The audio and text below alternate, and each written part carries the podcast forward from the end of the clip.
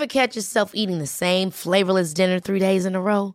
Dreaming of something better? Well, HelloFresh is your guilt-free dream come true, baby. It's me, Gigi Palmer. Let's wake up those taste buds with hot, juicy pecan-crusted chicken or garlic butter shrimp scampi. Mm. Hello Fresh. Stop dreaming of all the delicious possibilities and dig in at HelloFresh.com. Let's get this dinner party started. Ready to pop the question? The jewelers at BlueNile.com have got sparkle down to a science with beautiful lab grown diamonds worthy of your most brilliant moments. Their lab grown diamonds are independently graded and guaranteed identical to natural diamonds, and they're ready to ship to your door. Go to BlueNile.com and use promo code LISTEN to get $50 off your purchase of $500 or more. That's code LISTEN at BlueNile.com for $50 off. BlueNile.com code LISTEN. This is Paige, the co-host of Giggly Squad, and I want to tell you about a company that I've been loving, Olive and June. Olive and June gives you everything that you need for a salon quality manicure in one box. And if you break it down, it really comes out to $2 a manicure, which is absolutely insane. It's also so easy to get salon worthy nails at home with Olive and June. The difference between how your nails used to look when you did them yourself and now with the Manny system is a complete game changer. The best thing about Olive and June too is it's a quick dry. Dries in about one minute, lasts for five days, and full coverage in up to one to two coats. Visit oliveandjune.com slash perfectmanny20 for 20% off your first system. That's oliveandjune.com slash perfectmanny20 for 20% off your first system.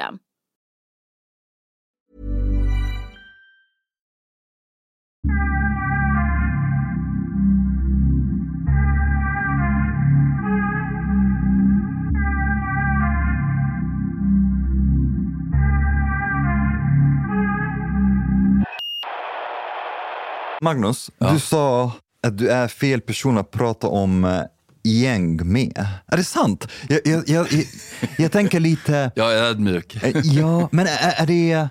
Jag, Kommer det närma sig eh, asymmetrisk krigföring snart, eller? är det inte asymmetrisk krigsföring?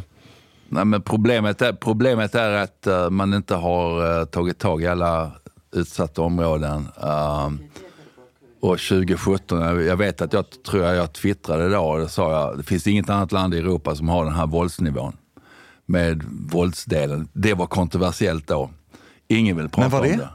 2017 tror jag det var. Okej. Jag, jag, jag, jag, det kan vara fel datum men, Ja, nej, men det var tidigt och, och det var liksom, hallå, dra i nödbromsen. Här är det liksom fara och färde när, när det gäller eh, våldsnivån och vålds... Eh, eh, själva våldsnivån. Du, du har ju inga andra ställen i Europa som du har där de spränger handgranater och bomber och, på det här sättet. Och ingen säger någonting. Varför tror du att det var så? Jag tror, jag tror det var, man var inne i den här, liksom det, det finns en sån här svensk åsiktskorridor och förnekelsefas som eh, inte vill ta tag i det här. Och jag, menar, jag vet ju myndigheterna, polisen, alla vill ju försöka lösa detta. De jobbar på, de tröskar på. Men eh, du kan ju inte lösa de här problemen om du inte lyfter hela områden. Alltså, är det acceptabelt att vi har 50-60 särskilt utsatta områden? Nej, det är det inte.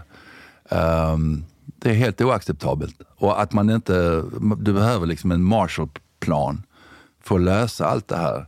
Du behöver samla på nationell nivå alla stakeholders. Vi har jättemånga kompetenta personer som har mycket kunskap om de här frågorna. Men man samlar inte dem. Man har, inte- man har inte en nationell samling där du har liksom nationell, regional och lokal nivå. Man kan ju börja med ett område eh, och börja med ett par områden för att sätta in insatser. Vad behöver vi göra reellt sett? Alla ska ju in i de här områdena. Det kan inte vara så att när ni är ute själva, polisen och socialtjänsten, de sitter kanske mest inne på sina kontor och, och, och, och har sina ärenden. När jag är ute i, eh, i Göteborg, eh, jag besöker ofta nordöstra Göteborg, LPO där. Ehm, Hjällbo då eller? Ja, det gäller hela, hela området eh, och, och, och, och så vidare. Och, och vi får liksom en briefing. Jag har varit där sedan 2012. Eh, och det blir ju bara sämre. Um, och poliserna, yttre tjänst, de måste ju göra sina insatser. Och de sitter ju ofta, alltså de får ju åka ut och göra insatserna. Men du behöver ju ut i samhället och ha dialogpolis och vi behöver ha liksom dialog och det, det sker ju också. Jag ska bara säga en sak som mina chefer sa till mig väldigt tidigt. Det är att vi kan inte bara basunera ut vad som sker, för då kan vi gynna Sverigedemokraterna. Det här var 2015, 2016 där eh, i förtroende så sa man säger vi vad som händer eh, så gynnar vi Sverigedemokraterna. Ja. Nej, men det är samma också. Vi hade ju samma... Vi, vi gjorde ju vår uh, Rosengårdsrapport 2009. Och uh, ett av problemen var ju framförallt att... Uh, alltså, var, vi, vi intervjuade av de av staden utsedda personer som hade mest kompetens. Vi hade flera seminarier. Uh, och då intervjuade vi dem, uh, det var 30 personer. Um, för vi kunde inte komma nära de här extremistiska källarmoskéer och så vidare. Av naturliga skäl. Av naturliga skäl. Jag menar, vi, hade ett visst, vi hade ett år på oss att göra den här lilla lägesbilden. Det var ingen riktig vetenskaplig studie. Jag kan gå in i moskéer om ni behöv, behöver ja. uh, Du fanns inte här då. du, men, men, eh, problemet var ju då att uh, att, och, och, när, vi släppte, när vi släppte själva rapporten så var vi uppe hos Ilmar Reepalu och sa, vi körde hela rapporten.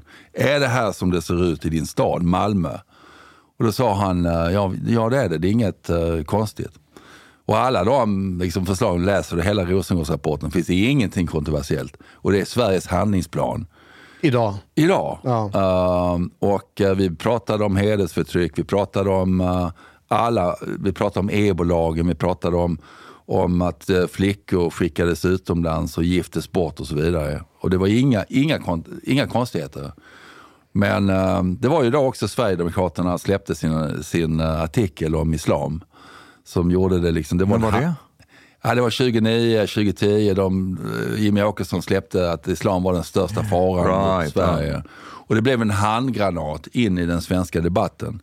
Plus så hade vi haft eh, sju år, tror jag, sex, sju år med Mustafa Kamali, Antirasistiska akademin och Mattias Gardell som byggde upp sina... Massoud Kamali, tänker du? Ja, förlåt, Massoud Kamali. Ja, just det. Um, som som um, gjorde den här, han var utredare för, om strukturell diskriminering. För Finns han fortfarande?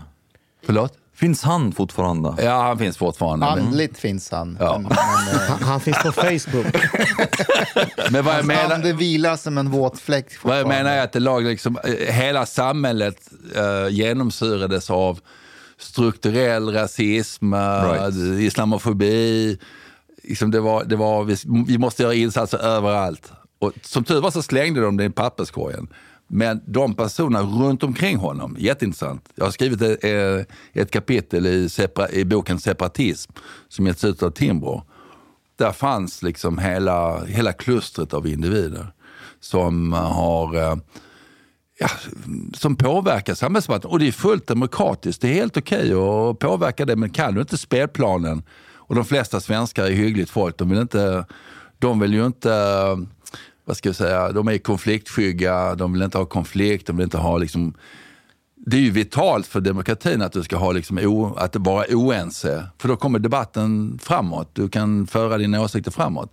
Men vi har varit så konflikträdda. Så, så fort du tar rasistkortet, islamofobikortet, ja, då, då stoppar debatten. Men, men, på tal om det, eh, lite sidospår, men, men eh, när det gäller vad folk får att uttrycka en demokrati. Ja. Var, var går gränsen, tycker du? Är det till exempel om vi pratar om jag vet inte, mm, salafistiska predikanter till exempel. Ja. Är det... Förstår, förstår vad jag vill säga? Ja, men det, är, det, är, som det, försöker till exempel att, att radikalisera folk. Ja, men det är, mm. För mig liksom går gränsen av vad som är viktigt och varför jag engagerar mig i allt det här. Det är ju för att uh, Um, någon annan som förnekar andras mänskliga fri och rättigheter, där går gränsen för mig. Uh, och det gör det ju också genom social kontroll. Att du inte kan dejta, att du inte kan älska, att du inte kan uh, vara den du vill. Um, och det är ju liksom, det är ju den icke-våldsbejakande delen i salafismen exempelvis. Där du har extremt, extrema korrigeringsmekanismer för vad, du, vad som är tillåtet vad som inte är tillåtet. Och hur folk får bete sig. Men och kontrollen över andra människor. Men om till exempel någon... Men att uttrycka sig handlar ju egentligen om, uh, du, du kan ju uttrycka det vad du vill. Eh, Det behöver inte kanske vara lämpligt att göra det. Men, Jo. men eh, Nej, Men jag tänker så här, om någon till exempel ser att ah, homosexualitet är, är en synd och predikar det till, till församling till exempel. Är det någonting som vi ska tillåta eller inte tycker du? Ja, det är inte mitt specialistområde. Jag har inte... Ja, jag vet, men, nej, men jag har inte riktigt... nej, men... men ehm, Men det är, det är en del av man får, radikalisering tycka, man får tycka det om man, man, man vill, men, men man får ju inte förneka det. Okej. Ehm, det är också hets mot folkgrupp. Hej Chang. Nej, vad är det hets mot folkgrupp? Det är hets mot folkgrupp. Du- det, är- det är din är hets mot specialist. folkgrupp. Jag är hets mot är folkgrupp. Ja. ja. Mas, eh, Magnus, får jag fråga, när ni släppte den här rapporten 2009, Ja. hade du koll på hur Sverige fungerar? Hade du en analys eller eh, hur tänkte du när du var med och tog det här uppdraget från Nyamko Sabuni? Nej, men vi hade inte, mina chefer hade det. Eh, jag kom ju då, jag hade varit i Skottland ganska länge. Så jag hade ingen uh, riktig, eh, vad ska vi säga, pejling på det svenska debattklimatet. Jag, jag, I Storbritannien och i andra delar av världen kan man diskutera de här frågorna ganska sunt. Ja, det kan vara högt tonläge ibland. Eh, men eh, du, du, du, landar ofta rätt, det är ofta sakligt. Du- ska disk kunna diskutera sakligt. Och det kunde man inte i Sverige på, på det sättet. Och det är just det med själva eh, Masoud, Masoud Kamalis utredning la ju liksom ribban att hela Sverige genomsyras av rasism och, och, och, och så vidare och diskriminering. Eh, ovanpå det hade du då också islamofobi. Vi hade haft eh, två egyptier som utvisades till, eh, eller ja, hämtades av CIA med hjälp av eh, svenska myndigheter och skeppades. Och den här pendeln då mellan liksom eh, eh, säkerhet och mänskliga fri och rättigheter svängde aldrig tillbaka. Vi hade liksom ett batteri av aktivister som eldade på och som försökte försvåra för myndigheter att jobba i de här frågorna och även diskutera de här frågorna. Och, och det blev liksom en, den perfekta stormen eh, i att alla de här vädersystemen med eh, Masoud Kamali, Antirasistiska akademin, vi hade Muslimska mänskliga rättighetskommittén, vi hade andra forskare som fokuserade om islamofobi och så vidare. Det, det, liksom, det konvergerade. Och, och så SD på andra sidan. Och sen kom SD med, med sin handgranat om is- att islam är den största liksom, faran för det svenska samhället. Och då, då knöt sig liksom debatten. Och den höll på ända fram till 2014. Eh, vi stod ju som liksom ensamma, då fanns det några stycken, men vi stod som ensamma eh, Hjältar. Nej, inte hjältar. Vi var kanske dumma. Det är inte karriärsfrämjande att ta upp de här frågorna. Liksom, det är verkligen inte karriärsfrämjande. Ingen vill ta upp uh, de här konfliktytorna som finns i det svenska samhället mellan, uh, mellan eh, vår religion. Jag brukar ofta säga, vad är vår religion? Det brukar folk skygga. Jag vet att inte ni kommer skygga, men vår religion är det är demokrati, rättsstaten, in, respekt för individuella mänskliga fri och rättigheter och jämställdhet. Okay? Det är vår religion. Och det går upp emot religiösa normer. Om religiösa normer, kollektivistiskt tänkande, patriarkala strukturer. Och det krockar. Och det krockar på många olika sätt. Så jag brukar ofta säga det här med koranbränningar och så vidare. Det handlar inte bara om koranbränningar. Det handlar om att de hatar vårt samhälle. De hatar det västerländska samhället. Han som var mest pådrivande i LVU-kampanjen, Mustafa El-Sharkawi, Shun Islamia. Han eh, fokuserar också på eh, eh, hbtq-frågor. De bränner, de bränner också samtidigt som de bränner den svenska flaggan, bränner de prideflaggan. De hatar våra värderingar. De hatar våra värderingar. Det är liksom värderingskrockar i det stora mellan olika delar av världen. Men också för att vi är ganska extrema här. Vi är ju individualistiska. Vi, har, vi är inte särskilt religiösa. Men resten av världen är det. Och det innebär det att det finns de här kockarna Och det, de här kockarna finns här också. Och jag brukar också säga så här. Förra regeringen förde ju en eh, feministisk utrikespolitik. Ja. Det kan man tycka mycket om. Men skulle vi inte börjat med en feministisk inrikespolitik? För det finns hundratusentals kvinnor, tjejer och andra som inte får göra som de vill.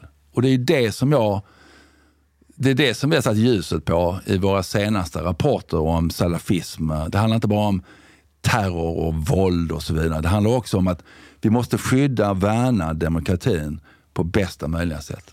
Men är det inte mycket enklare att sätta sig på ett plan och flyga över Järvafältet till andra länder och tala om för dem hur de ska göra? Det är precis det jag menar, att vi, innan vi börjar liksom missionera till andra förordningar hemma. Va? Vi, ska, vi, vi, måste, vi måste liksom värna det. Vi kan inte skygga. Och det är ju det också som har gjort med eh, själva asylinvandringen, invandringen, är att vi har, liksom, vi har, haft, vi, vi har haft goda intentioner och värderingar. Men sen släpper vi ner dem lokalt. Och så struntar vi i dem. Vi gör ingenting. Vi gör inga insatser. Vi gör inte tillräckliga insatser.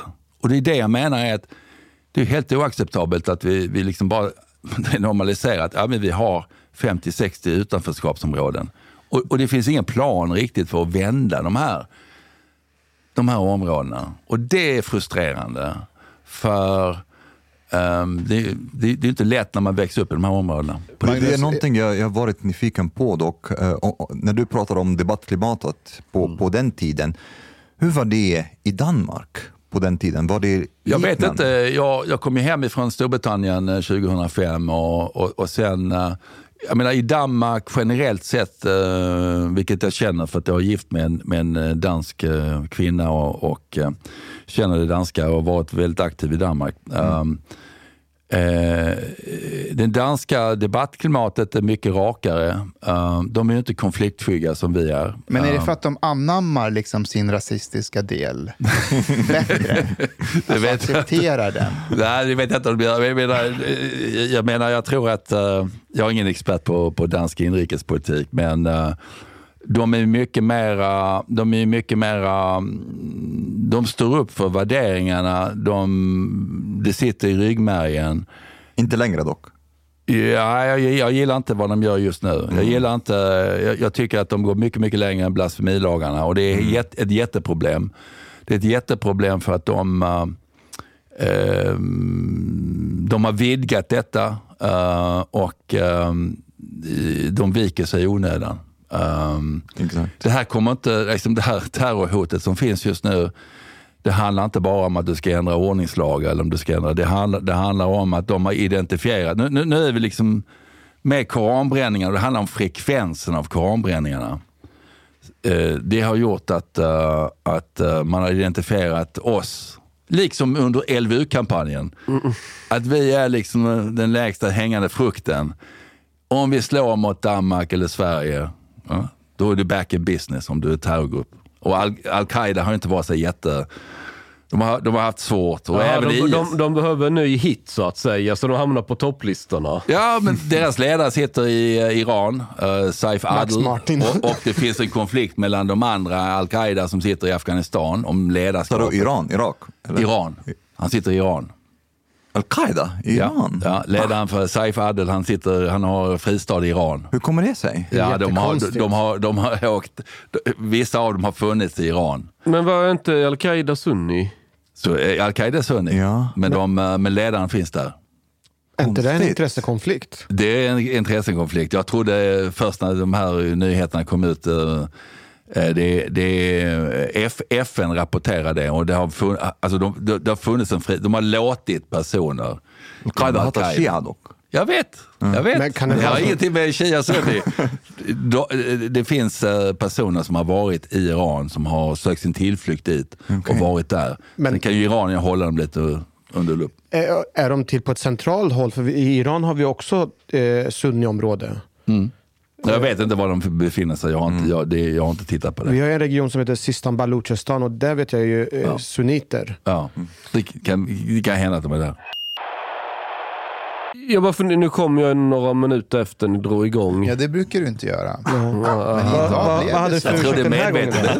Vad hade du för ursäkt den här gången då? Ja, det är ju på torsdagar får man inte parkera. Just det, ja. ja. exakt. Och var det första gången det här hände dig? Eh, I alla fall, jag tänkte, du är ju från Hästveda. Ja, det är nära Åsby. Ja, jo, jo, jo. Brukade du bada i Lursjön när du var liten? Nej, det gjorde jag inte. Jag, jag, jag, jag tror jag inte.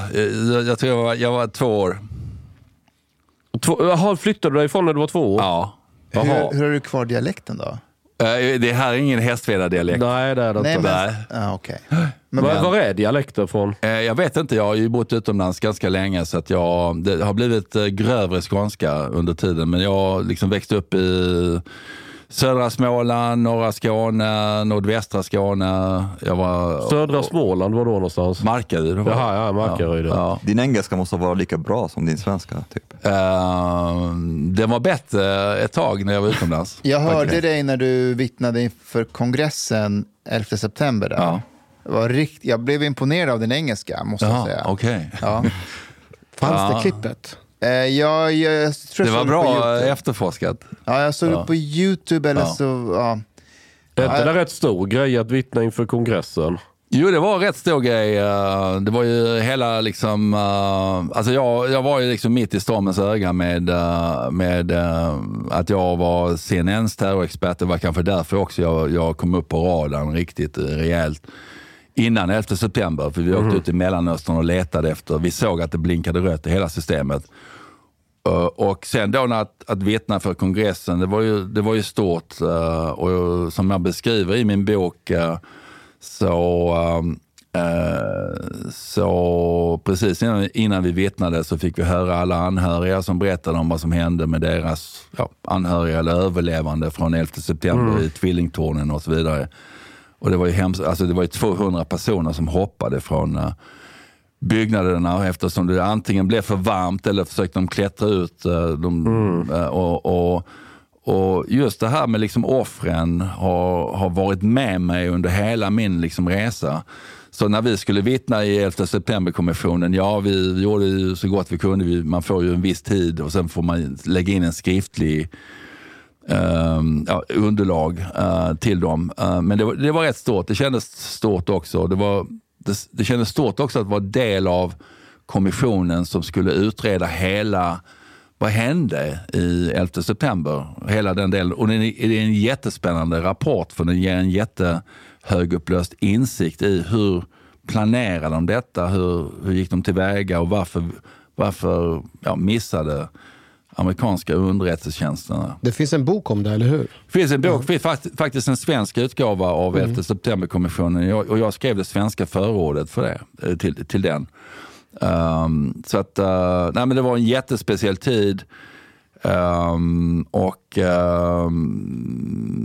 det här- jag, jag, jag skrev boken också för att jag, jag minns ju en tid innan 11 september, men de flesta som växer upp nu There's never been a faster or easier way to start your weight loss journey than with PlushCare. PlushCare accepts most insurance plans and gives you online access to board-certified physicians who can prescribe FDA-approved weight loss medications like Wigovi and Zepbound for those who qualify. Take charge of your health and speak with a board-certified physician about a weight loss plan that's right for you. Get started today at plushcare.com slash weight loss. That's plushcare.com slash weight loss. plushcare.com slash weight loss. Ever catch yourself eating the same flavorless dinner three days in a row? Dreaming of something better? Well, HelloFresh is your guilt-free dream come true, baby. It's me, Kiki Palmer. Let's wake up those taste buds with hot, juicy pecan-crusted chicken or garlic butter shrimp scampi. Mm. Hello Fresh. Stop dreaming of all the delicious possibilities and dig in at HelloFresh.com. Let's get this dinner party started.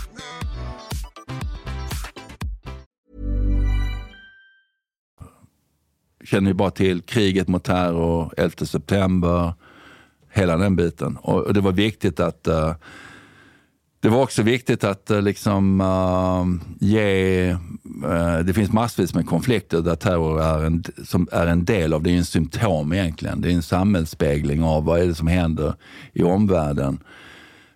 Och det var viktigt för mig också att kunna, kunna illustrera det och visa det.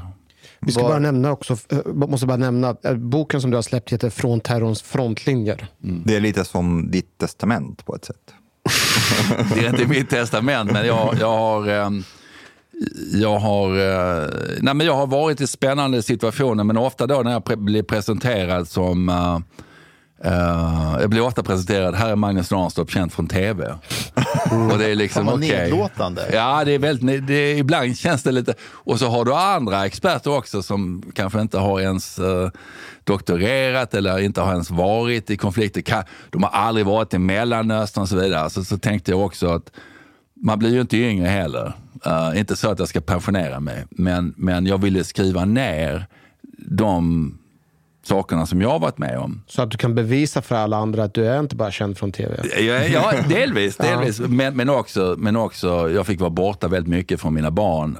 Um, och um, skriver också i boken att uh, min treåriga son, han var på förskola, så fick han frågan, uh, var är pappa någonstans? Och så tittar han, pekar han upp i himlen.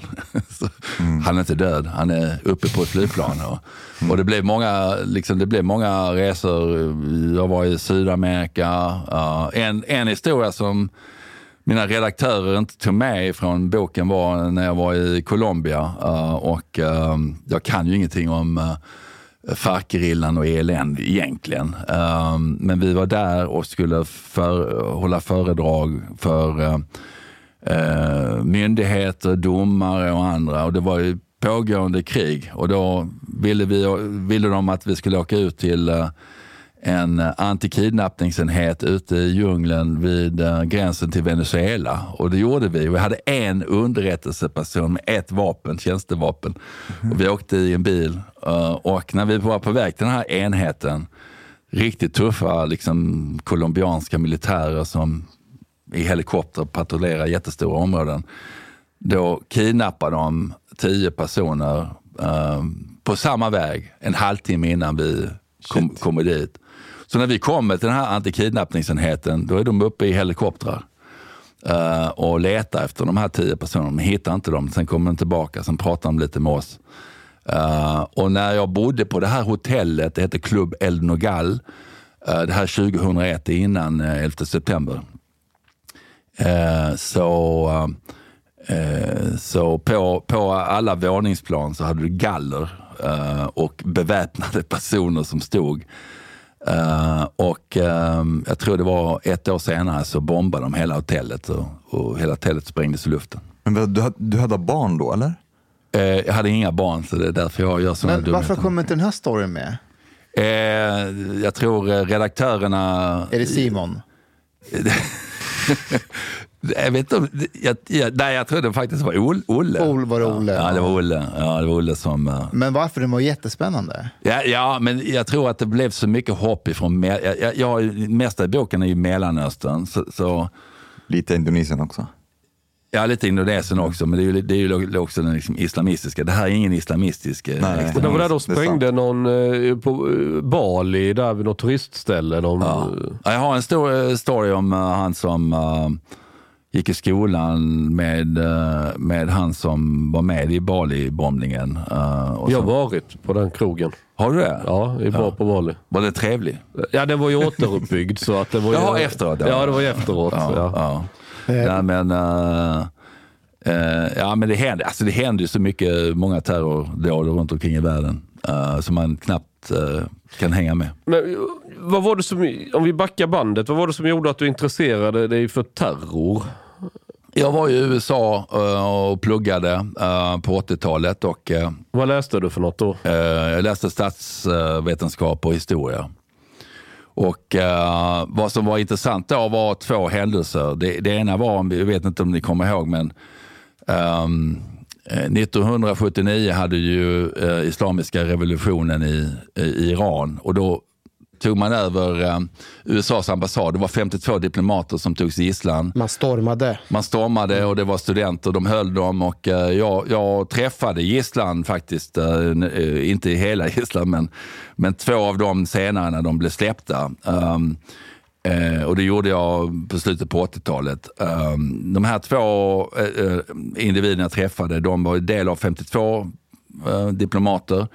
Och de hölls 444 dagar och ehm, eh, vad, som, vad man gjorde då från det blev ju liksom en del i valkampanjen mellan Carter och Reagan. Och eh, en av de första sakerna som hände efter, efter att Reagan han kom in, bara timmar efter han kom in, valdes in, så, eh, så släpptes gisslan genom eh, medling då. Han, Republikanerna hade, hade gjort liksom underhands uh, kohandel med Så jäkla Iran. orättvist, för det var ju Carter som såg till att de släpptes. Ja. Men det visar väl också att Iran kunde vara med och påverka valet i USA, eller hur? Ja visst, men det var ju jätte, de, de, de band ju liksom gula band runt träd och sånt eh, för, för att komma ihåg gisslan. Det blev liksom jätte, det blev jättestort. Och sen då på 80-talet så hade vi Hezbollah i Libanon, eh, inbördeskriget i Libanon. Och då hade vi den här shia-muslimska gruppen Hezbollah som skapades eh, eh, och den fick stark stöttning. Den var ju liksom, det, var, det var som en eh, en förlängd arm av Iran. Och Iran kunde då komma närmare sin stora fiende Israel. För då var det liksom angränsande Libanon och då, på, på den tiden så var det ju mycket attacker från palestinska grupper. Och Iran sponsrade palestinska grupper också. Och då, då 1983 så um, gjorde Hezbollah två stycken um, ja, synkroniserade självmordsattacker som var enormt stora. Som dödade 243 ehm, eh, mariner uh, och 50, jag tror det var 58 franska fallskärmsjägare. Det skriver du också i boken. Ja, och den, är- det, det var jätteattacker och eh, sen, sen började man kidnappa journalister och andra som kom till Iran, äh, förlåt, till, till Libanon.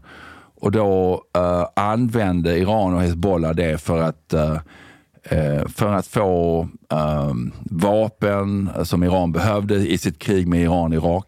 Eh, eh, mot Irak. Eh, och, eh, så det, blev, det blev liksom 102 västerländska gisslan kidnappades.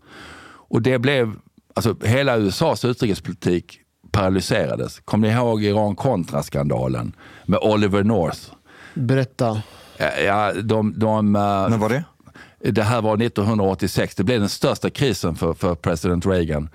Eh, man, eh, man, ville, man, man, man eh, sålde vapen eh, till Iran och sen så skeppade man det till Sandinistas, i eh, Nicaragua. Det var hemlig affär, va? Det var hemliga affärer, sen blev den offentlig och han, han blev nästan avsatt, eh, president Reagan. Så att jag ställer bara en enkel fråga. Va, varför förstår inte USA, världens mäktigaste land, varför kan man inte lösa gisslankrisen på, på liksom, ja, gå in och, och hämta ut eh, gisslan? Och, De försökte väl det? de, har- ja, de har försökt men de har inte varit jätteframgångsrika.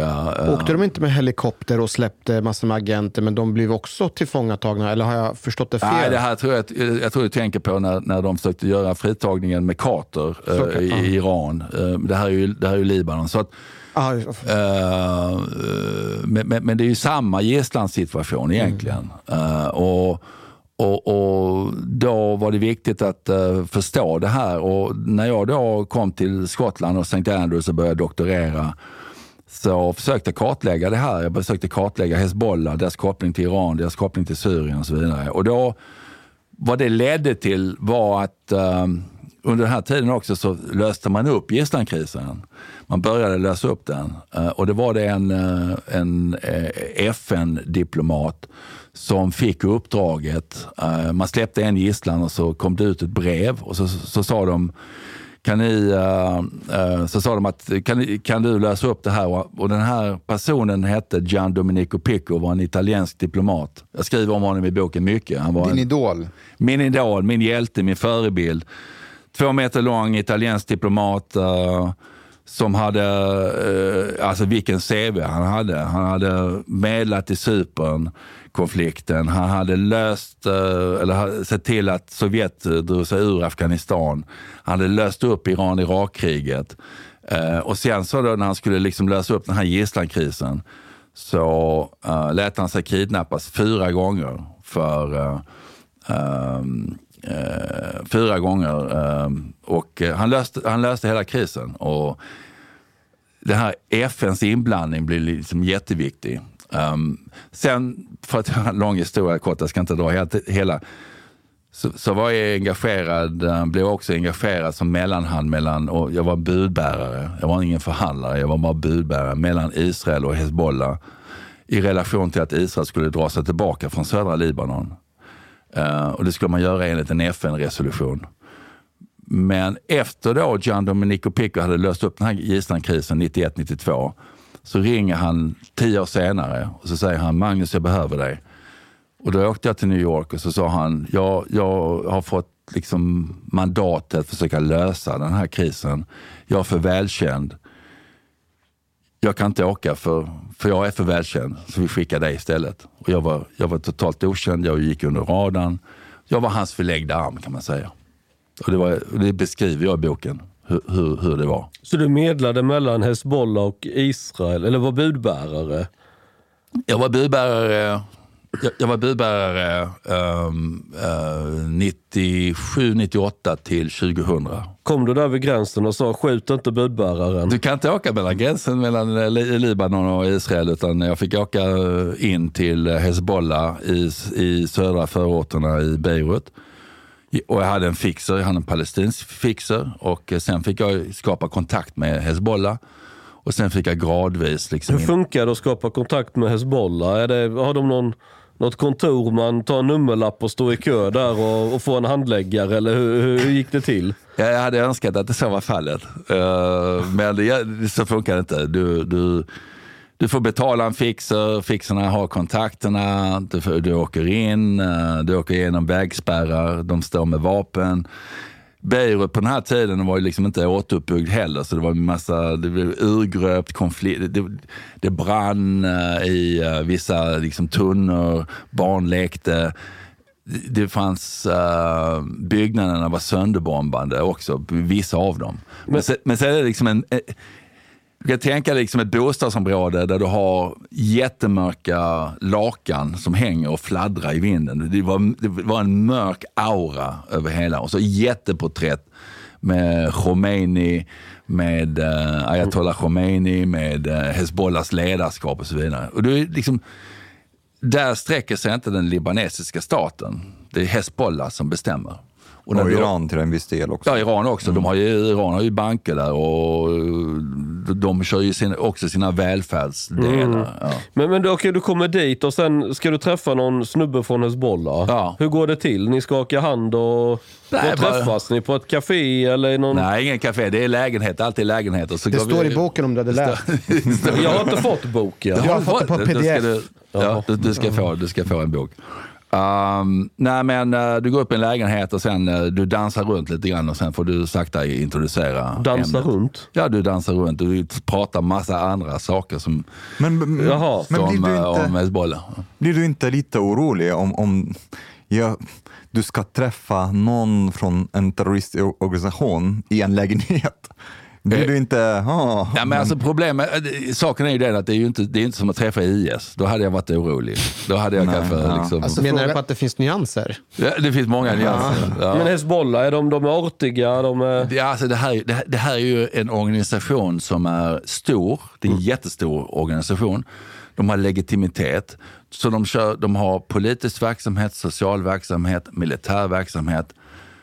Eh, så de, de är, det är de som styr i de här shia-muslimska områdena. I, de- eh, Mm, är de lite som Shia Hamas? Eller? de är som Shia Hamas och, och, eh, och, och ja, men det är samma med Hamas. Jag träffade också Hamas-ledarskapet och i Gaza. Vilka är trevligast?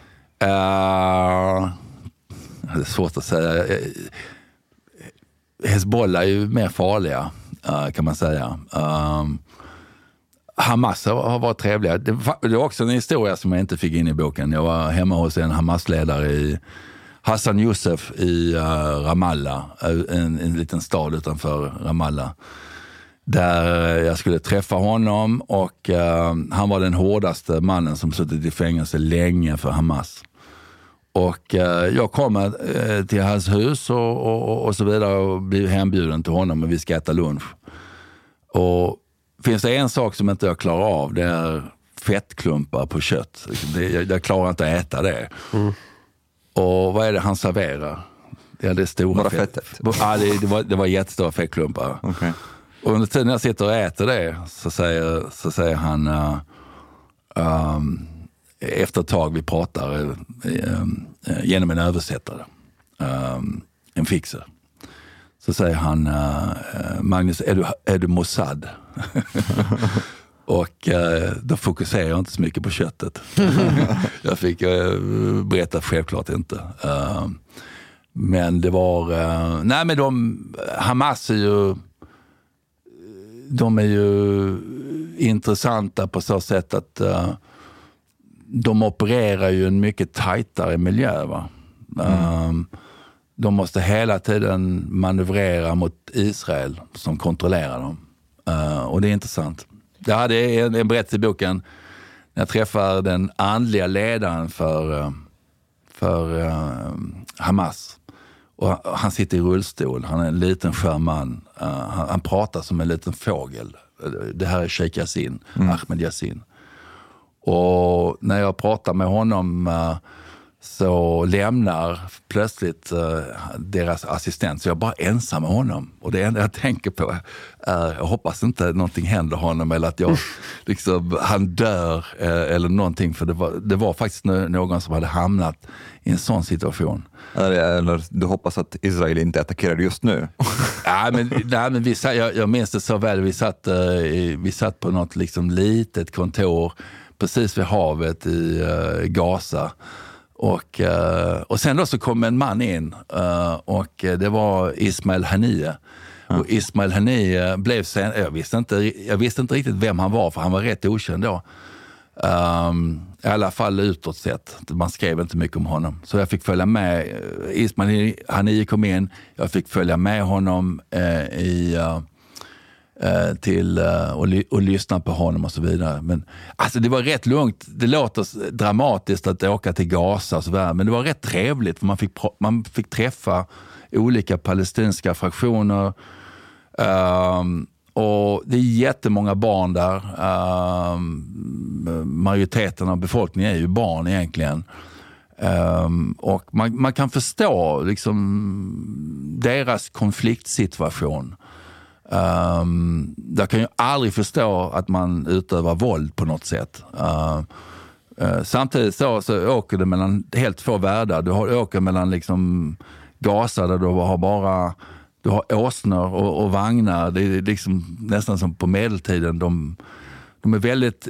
De är väldigt Kan du känna medlidande för deras kamp? jag kan känna meddelande eh, för deras kamp eh, och sen åker du mellan den kampen, eller mellan den, deras situation in till Israel. Vilket är en helt liksom, modern stat med uh, modern infrastruktur och så vidare. Eh, men jag visste redan då, eh, för jag berättar också i boken att jag hade fördelen att jag kände, jag kände en norsk diplomat och jag fick träffa han som, som gjorde fredsprocessen eh, Terje Röd Larsson som, är, eh, som medlade då mellan, ja, han var en akademiker, som skapade den här kanalen mellan Israel och, och eh, palestinierna eh, som ledde till själva fredsprocessen. Magnus, i din bok så berättar du väldigt mycket om olika händelser, många personer som du möter. Det finns mycket grejer som man kan ta upp. En, vid ett tillfälle så träffade du en generalmajor, Alexander... Ja, just, det. Jag, jag kan inte uttala hans namn. Eh, Karbadinov eller någonting. ja, just det. Är ryss eller? Ja, han, var, eh, han var chef för KGB och jag, det slog mig att han påminner om en annan person. Vill du, kommer du ihåg vad du skrev i boken? Nej, jag kommer inte ihåg. Du får, du får, du får, eh, jag vet, det här var ju ett möte, eh, väst, eh, västeuropeiska sovjetiska dialogen om terrorism. Chang, lyssna nu. Så här skriver Eh, eh, Magnus att generalmajoren, chefen för KGB, gör en mindre imponerande entré. Och sen så beskriver du hur han ser ut också. Han har på sig träningskläder. Alltså jag tänkte, Vad det är ett vinnande koncept. Vad är det för fel? Adidas-kläder. det var inte lika fin som chans. Jag tror inte den modellen fanns då. Ni vet, du vet, har du sett min röda Adidas-dress? Jag har, sett, jag har inte sett den live, men jag har sett det på bilder. Ja. Okej. Vet- Vet du var inspirationen kom från? Nej. No, berätta. När jag käkade frukost på eh, Hotell Ukraina, det här stora diplomathotellet. Eh, De sju sta- systrarna som Stalin byggde, de här byggnaderna. Ja. Du vet eh, utrikesministeriet. Eh, och det, det finns ju sju sådana byggnader. Ja. En av dem är ett hotell, det heter Hotell Ukraina. Ja. Jag satt och käkade frukost där med Polina. Mm. Och några bord bort sitter en ryssjävel med en sån Adidas-dress. Det var det värsta jag sett. Vinröd plysch. Så jag sa till henne, jag måste fan ha en sån. Ja, ja. Det var Och nog då- troligtvis Då generalmajoren köpte där. hon den senare till, i födelsedagspresent. Så det kommer ju från en ryss, eh, den overallen ju. Det blir Men har du bara en? Ja, en Du borde Adidas. köpt flera. Ja, nej, det var hon som beställde. Jag vet inte vad hon beställde från utlandet eller Ja. något. Det var svårt att få För tag i. man, när man tvättar den eh, så blir den ju liksom... Ja, han Han bryr han inte sig om sånt. den. Men okej, det- den här KGB-chefen kom i Adidas-overall. Ja, men sen så, eh, det roliga var att eh, det var massa KGB-folk och så var det spioner från andra, från väst. Och vi träffades. De hade haft ett möte i Moskva, där, där var inte jag med. Så hade de ett möte i St. Andrews där jag var med och så hade de ett till i Paris där jag också var med. Eh, men det roliga var eh, i den här, i den här storyn så Ehm, så ehm, eh, är det ett, på, på kvällen är det ett möte och jag, det är en professor i St. Andrews som är specialist på underrättelse eh, frågor han är specialist på KGB och så vidare. Han är brittisk.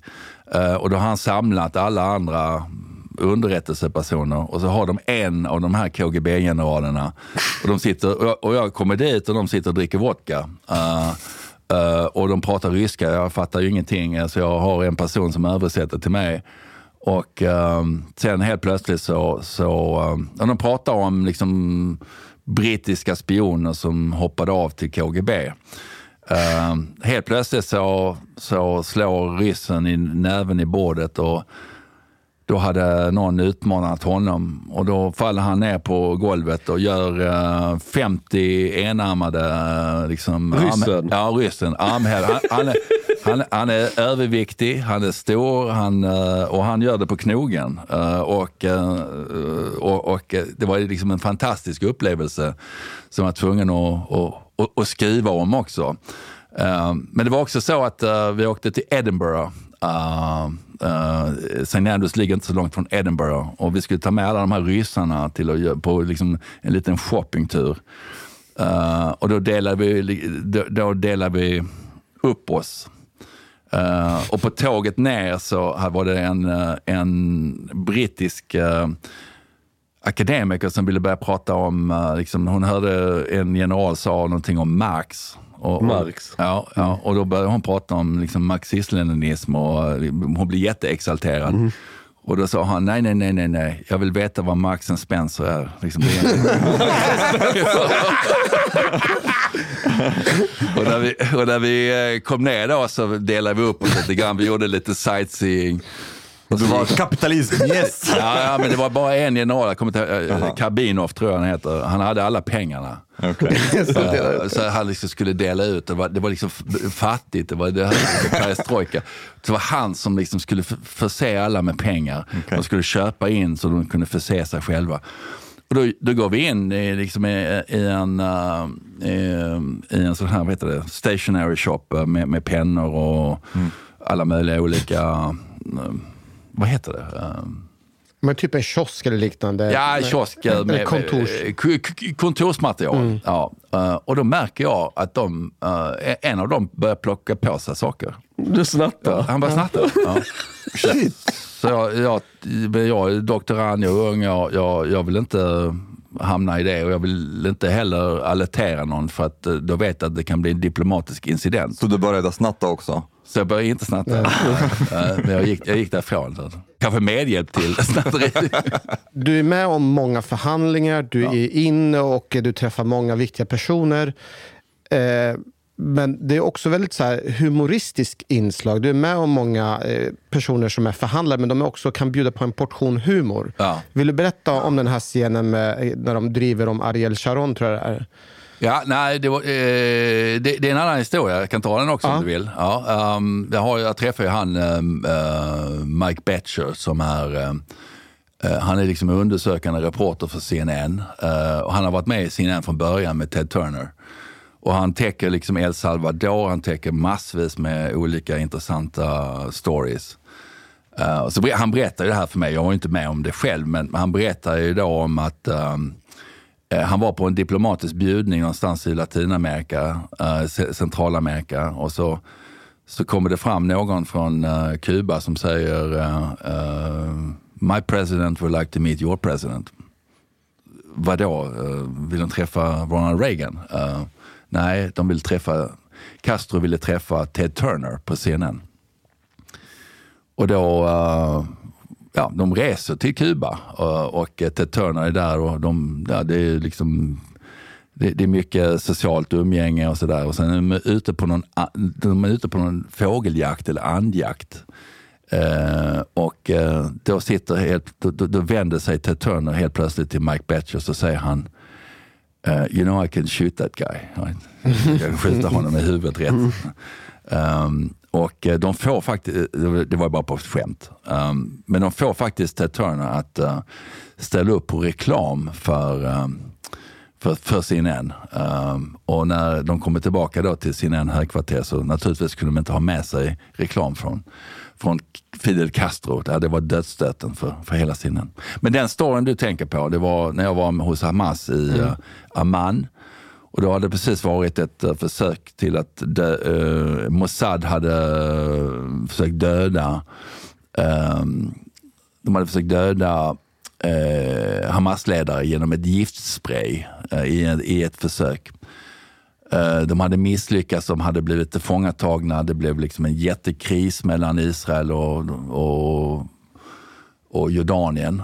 Ehm, och när jag träffar honom då efter den här ledaren då, jag åker in till, till Amman och så vidare, så sitter han vid sitt skrivbord. Han är den operativa ledaren för, eh, för Hamas. Det Han som hade varit utsatt för Nej, giftspray? nej, det var hans kollega som Ja. hade blivit utsatt för giftspray. Men de är jättenervösa och så vidare. Och ofta i de här samtalen, har det, alltså det, när man pratar med Hamas, och så här, de, de säger ju ingenting operativt. Liksom, de säger, de, de, det är det jag menar med de dansar runt på Mm. ofarliga områden. De pratar om, Man pratar runt du istället. pratar runt de här olika delarna och så vidare. Och sen så helt plötsligt så säger han till mig ehm, att eh, vet du att eh, de lokala enheterna i, i Hebron kom med en plan för att eh, för att eh, göra någon, någon typ av operation. Och det är han då som ska ge grönt ljus, grönt tecken eh, till att genomföra detta. Och då frågar han då som en kontrollfråga, vem har ni tänkt på? Vem har ni liksom funderat på?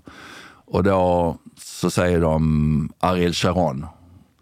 Uh, och Ariel Sharon är ju hatad uh, av palestinier. Han var, med, han, han var ju den som var delaktig i Sabra Shatila-massakern i Libanon mot palestinier 1982.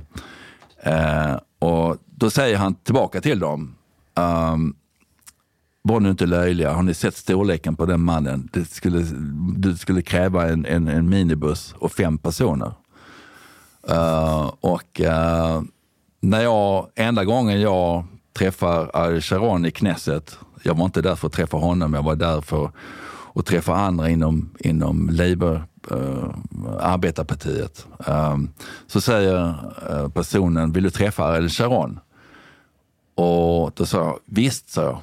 Och eh, jag vet inte om ni vet hur stor Ariel Sharon är. Han är, han är jättestor, eller han var jättestor. Stor som ett berg. Skelögd också, så det var svårt att fokusera vilket öga jag skulle titta på. Och det enda jag kan komma på att säga till honom är att han var för fet för att kidnappas av Hamas. Vilket, Sa du det till honom? Jag sa det till honom. Du berättade om det skämtet som de har dragit. Ja. Ja, jag sa, jag sa det till honom. Och, du vet, när man är där eh, det finns något som heter uh, chutzpah. Du måste Ja, ha liksom, ja. balls och Ja. du måste ha liksom lite, lite stake. Du måste kunna liksom vara väldigt rak. Och, och, så jag berättade det eh, för honom och han tyckte det var jätteroligt. Han skrattade och sa, tror du jag betalar för mina livvakter? De betalar mig för jag har en jättestor skugga. Liksom. Jag måste fråga dig, alltså, när Får du- jag bara ställa en frå- följdfråga till det? Vad tror du det här humorn, att man har humor fast att det är så viktigt, vad har det för inverkan? Nej, men det är ju jätteviktigt för när man liksom lever, jag, när man lever där, eh, folk, alltså jag älskar att vara i Mellanöstern, jag älskar kulturen, jag älskar värmen, gästfriheten på alla olika håll och även också från eh, de, de extremister jag har träffat. Liksom de, Det skulle vissa inte tro, att du älskar kulturen i Mellanöstern kanske? Jo, jag älskar, jag, jag älskar kulturen, jag älskar, eh, jag älskar eh, värmen, gästfriheten eh, och, och även också medmänsklighet. Eh, och de lever i vardagen eh, i de här konflikterna. Ibland blir det skarpt läge, men oftast är det ju liksom normalt. Det är ju inte min konflikt heller. Jag, när jag åkte mellan Gaza och andra platser så sa jag, jag, jag var väldigt noga med att inte ta politisk ställning som många andra kanske gör som är liksom aktivistakademiker som, som tar ställning från en sida som bara kör dem på den. Utan jag ville, jag ville, jag menar vad jag tycker är lika mycket värt som vad ni tycker och så vidare. Jag har ingen, det det är inte relevant i sammanhanget. Det Du kan bli tycker- relevant så- i- som privatperson. Du tycker ingenting? Jag tycker ingenting när jag, när jag gör mitt Du jobb. skulle platsa på SVT. Jag skulle precis säga det. Public service, har du tänkt på att söka dit? Ja, det är för dåligt betalt tror jag. Men du tycker mycket nu.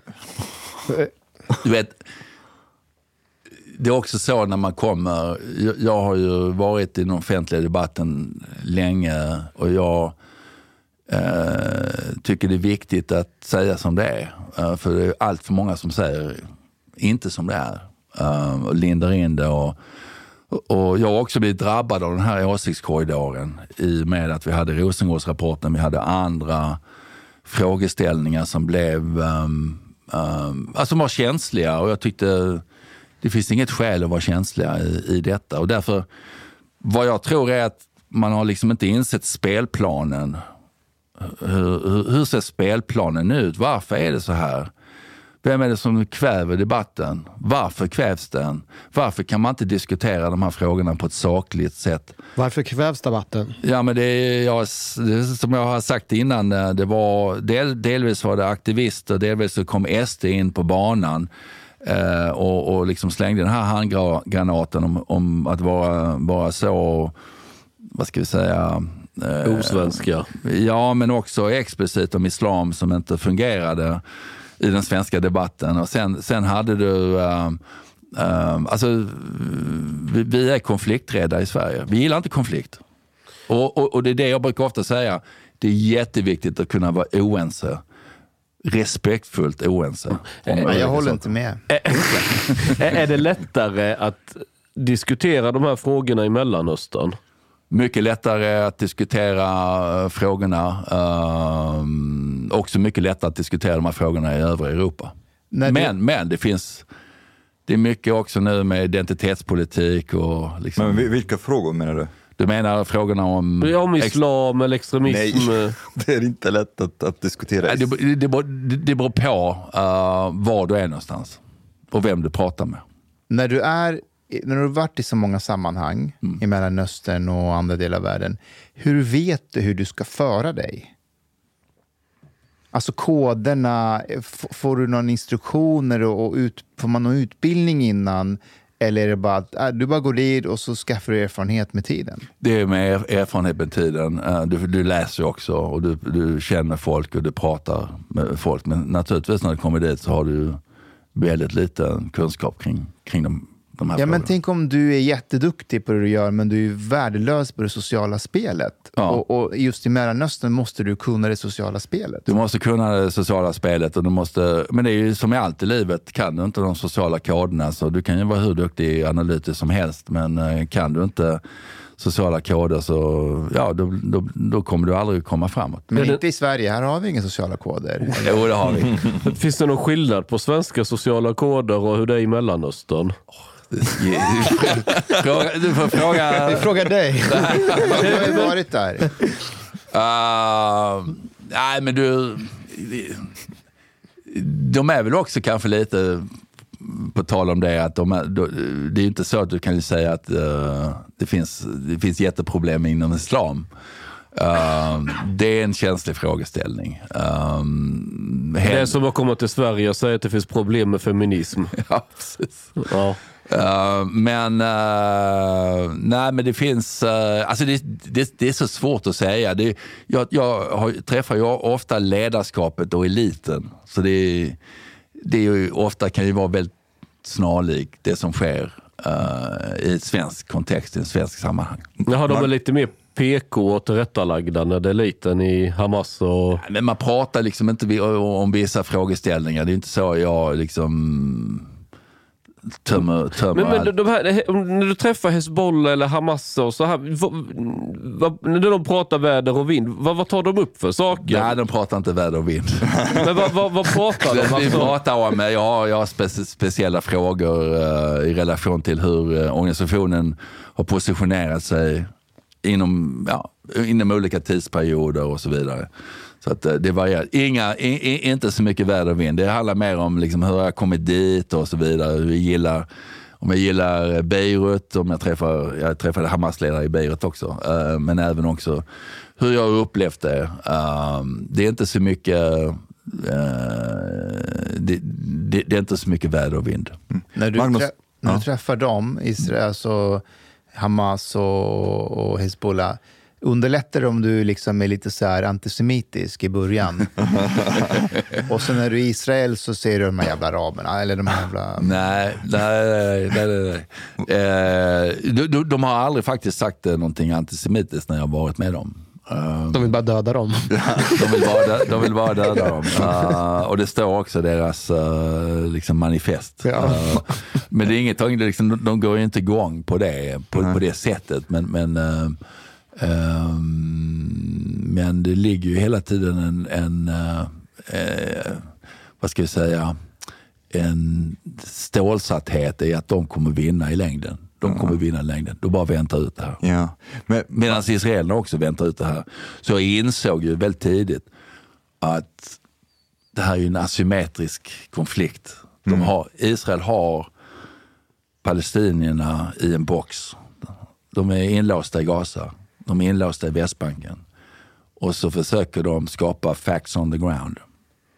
Det vill säga att de, de, de försöker vänta ut demografin. Uh, till att... Vem väntar ut? Israel. Israel väntar ut att det, det skapas facts on the ground. Så att, uh, Men de poppar ut hur många barn som helst, palestinierna?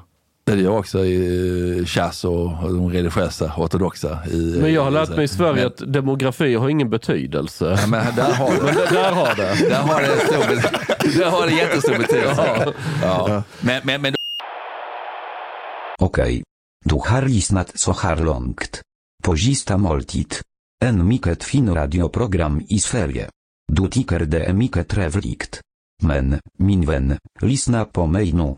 Du har inte betalat biliet på klubzista måltid. De harblate grabarna dom behöver pengar. Flis. Lax. Stolar. Dirabilar. Lix hotel. Du vet. Måste du betala om du ska lyssna du får man flera avsnitt också. Paket erbjudande, helt enkelt. Les i beskrivning för avsnitt, där det finns information för att bli medlem på klubbzista måltid. Det kostar som en mycket liten kaffe latte ute på torget. Per månad. Lätt som en plätt. Tack,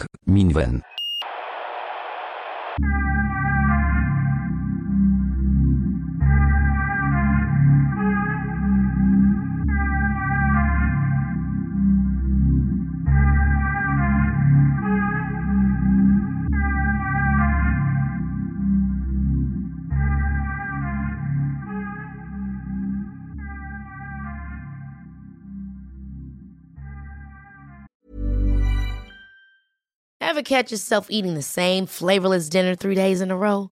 Dreaming of something better? Well, HelloFresh is your guilt-free dream come true, baby. It's me, Gigi Palmer.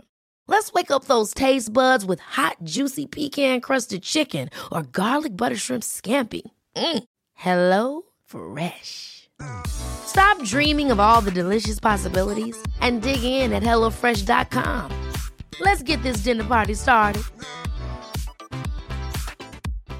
Hi, I'm Daniel, founder of Pretty Litter. Cats and cat owners deserve better than any old fashioned litter. That's why I teamed up with scientists and veterinarians to create Pretty Litter.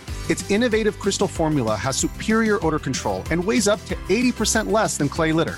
Pretty Litter even monitors health by changing colors to help detect early signs of potential illness. It's the world's smartest kitty litter.